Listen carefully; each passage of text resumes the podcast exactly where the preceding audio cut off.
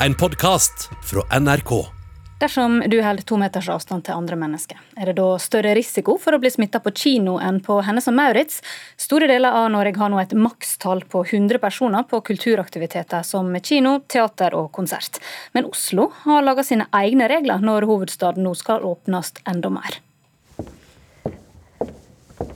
Her er altså selveste kardemommetrikken. Den er veldig søt. Så er det altså eh, tårnet, og her er røverhuset baki her. Nå skjer det snart. Produsent Karianne Jæger og resten av gjengen på Folketeatret i Oslo får igjen spille Kardemommeby på Norges største teaterscene.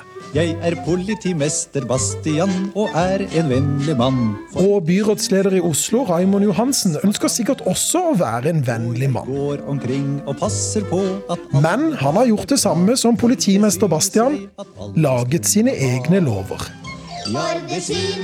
Eller for å si det på Kardemommebymåten.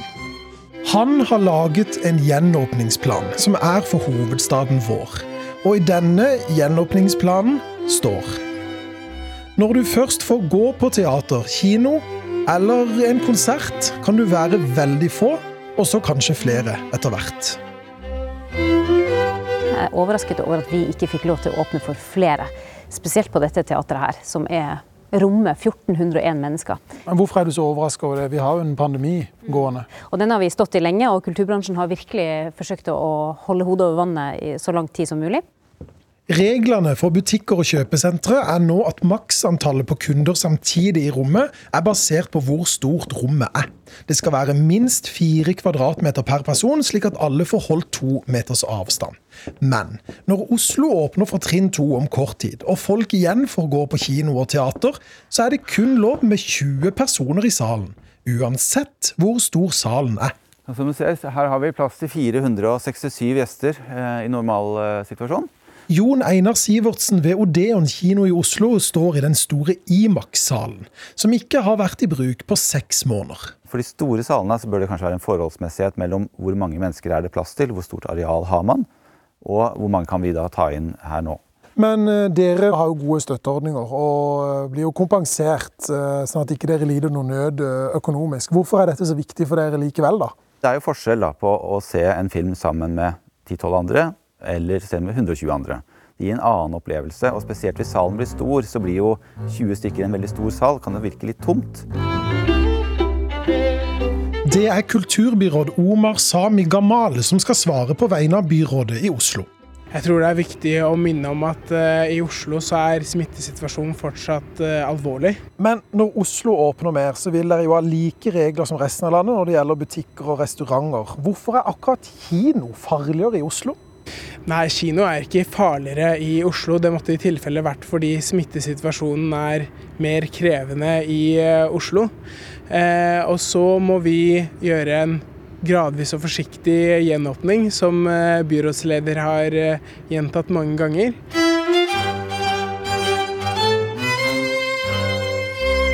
Reporter i denne saka var Christian Ingebretsen. Journalist eh, her i NRK, Halvard Sandberg. eh, Du følger jo med på mye av forskningen rundt dette viruset og hvordan det smitter. Vi har hørt deg mm, fortelle mye om det mange ganger. Men er det nå forskning som tilsier at det er større sjanse for å bli smittet av covid-19-viruset på kino eller i en butikk? Det fins ingen forskning som dokumenterer at noen er smittet på kino. Det fins ingen dokumenterte tilfeller noen steder i verden om at noen er smittet på kino. Så da sliter du, hvis du skal prøve å si at nei, kino, nei, det, det, det går ikke. Da må du støtte deg i annen forskning, og så må du forstå hvorfor det er umulig omtrent å greie å dokumentere det på kino. For du har i samfunnet, i alle samfunn, veldig mye skjult smitte. Folk vet ikke eh, hvor de ble smittet. De kan ikke sette fingeren på akkurat det, og da kan det ha skjedd på kino. Og så vet du hvordan viruset smitter, og spesielt nå i det eh, senere tid, så har det blitt forståelse for at det smitter som en sky. og Du kan tenke deg at det sitter folk og røyker ti meter unna på kinosalen, så merker du den røyken. Og det er litt sånn. Og da, Derfor er det antatt at kinoopplevelsen er en smittefare også. Men hva sier forskningen da om eh, smittefare og ja, hvor det nå enn skulle være, om det er kinoteater eller konsert, hvis du holder minst to meter avstand? Ja, det er akkurat det. Og der, der også er en utfordring, for der har feltet beveget seg i løpet av pandemien. I begynnelsen så var det sånn det er dråpesmitte, og de faller ned, de dråpene innen to meter. Så hvis sitter du to meter fra noen, så er du helt trygg. Men nå er det økende forståelse for, også fra Verdens helseorganisasjon og amerikanske CDC, at det sprer seg via såkalte aerosoler. Så det bygger seg opp. Så hvis du sitter i to timer i en kinosal, tre-fire meter unna en som er smittet, så vil den skyen nå deg, og du vil få inn såpass mye sånn bitte, bitte, bitte små eh, dråper med virus i til at du kan bli smittet. Så derfor er det ja, det har endret seg siden kinobransjen i eh, oktober i fjor sa at dette her er jo ikke farlig i det hele tatt. Dette må vi eh, kunne fikse. Men Hva tror du byrådet i Oslo, og for så vidt eh, regjeringen i sin gjenåpningsplan, har kommet fram til? Hvordan, hvordan har de kommet fram til disse maksantallsbegrensningene? Altså, De tallene har jo gått igjen helt fra starten av pandemien. Husker du, Det var en gang vi sa vi kan ha maksimalt 5000 mennesker til stede. Det høres jo helt utopisk ut. Ja, og Så ble det 500, så er det 50, altså 20 og 10 og 2. Det kommer an på hvor mye smitte det er i samfunnet. Så må du beregne risikoen for å bli smittet. Hvis det er en, risikoen for at det er én som er smittet i en gruppe på 50, Ok, da kanskje kan vi ha grupper på 20, da har vi mindre risiko. Og hvis er, risikoen er 1 per 500, ja, kanskje vi kan ha 200 grupper. Så det, det er avhengig av hvor mye smitte det er i samfunnet, og kalkuleringen av risiko for at du da blir smittet i den situasjonen. For tingen er at Hvis det er én smittet, så smitter en annen på en gruppe på 500, så ryker 500 mennesker inn i karantene. Det er sånn. Så Hvis det er mindre grupper, så er det færre som går inn i karantene hvis det blir oppdaget én smittet som har vært på det stedet. Men Kinoer eh, rundt om i verden er i ferd med å åpne igjen. Eh, ja. Noen steder så har det jo vært åpne under deler av pandemien, og, men allikevel, da. Altså, vet vi nå mange som, som kan ha blitt smittet på kino, selv om de da Nei, vi, vi vet, de har det? Vet ikke, men hvis du nå tar og søker eh, en nyhetssøk på Google etter kino, åpent, korona, så får du massevis av treff fra en jublende indisk filmindustri fra februar om at nå skulle kinoene gå på 100 Du så hvordan det gikk. Ja, India har, eh, har blant de, det høyeste smittetallet. Å, ja. Ja, og det tok virkelig fart i februar. Nå sier jeg ikke det er pga. kinoene, men da var smitten så lav i samfunnet, tenkte de, og alle var så vaksinert og alt var så trygt, at det må vi kunne greie å få til. Og det gjorde de, med et sterkt påtrykk fra den indiske filmindustrien. Og så, ja, så var det på et dårlig tidspunkt, da. Takk skal du ha. Halvard Sandberg, journalist her i NRK. Netthets og hatefulle ytringer er et stadig økende problem i samfunnet. Som følge av det vil britene vedta en ny lov for å få bukt med denne problematikken, kulturreporter Oda Elise Selstad. Den britiske regjeringa vil innføre en eh, lov som åpner opp for å straffe rasistiske og hatske kommentarer i sosiale medier. Det vil òg være krav om å begrense innhold om terror, selvmord og seksuelt misbruk av barn. Hvordan vil dette fungere i praksis? Det er de sosiale medier som sjøl har ansvar for å fjerne rasisme, mobbing og annet skadelig innhold fra plattforma si, og videre rapportere inn til styresmakten. Hvis de ikke gjør det, så risikerer de å få bøter i opp mot 100 millioner kroner. Og Hvordan håndterer de sosiale mediene netthets i dag? De fleste plattformene, eh, slik som Facebook, Twitter, Instagram, har verktøy for å fjerne nettmobbing og hatefulle kommentarer. Eh, de kan òg gå så langt som å utestenge personer som de mener står bak kontroversielt eh, innhold. Et eksempel på det er Donald Trump, som er utestengt, utestengt fra Twitter og Facebook etter storminga av Kongressen i januar. Men det er ikke alle som er for å fjerne ubehagelige ting? Nei, det er noen som ser på det som sensur og som et angrep på ytringsfriheten. Dette er noe britene er klar over, og lova de vil innføre har som formål å sikre at eh, politisk debatt og retten til å uttale seg fritt blir beskytta. Takk skal du ha, kulturreporter Oda Elise Svelstad. Så skal vi snakke om eh, litteratur. Marta Norheim, du har tatt med deg romanen 'Lamento' av eh, Madame Nilsen. Og her er det mye, mye rart, så jeg gir ordet til deg rett og slett med en gang. Og spør hva er 'Lamento', og hvem er denne Madame Nilsen? Ja, da tror jeg jeg starter med madammen. Hun er et fenomen. Dansk.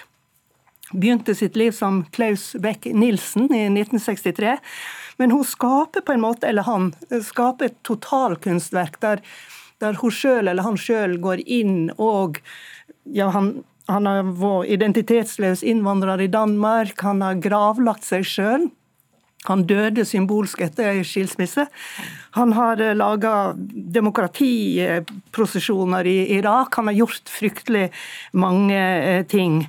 Eh, og nå er han altså Madam Nilsen og skriver for tida kjærlighetsromaner.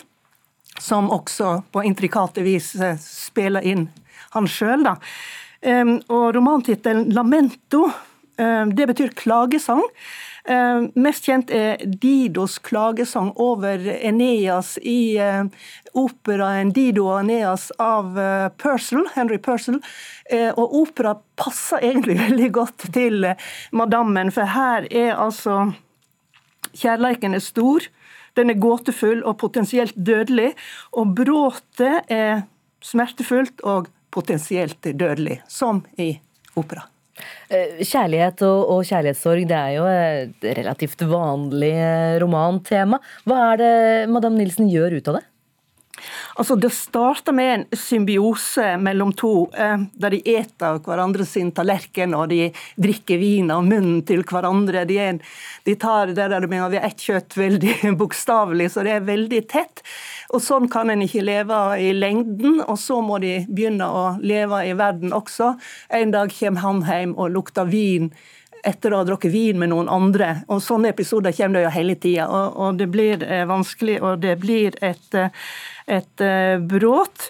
Um, og det er kvinner her som har synsvinkelen, og det meste av skylda er da lagt på mannen, naturlig nok, siden det er hun som forteller. Og ramma her er at hun forteller dette til barnet deres 20 år etterpå.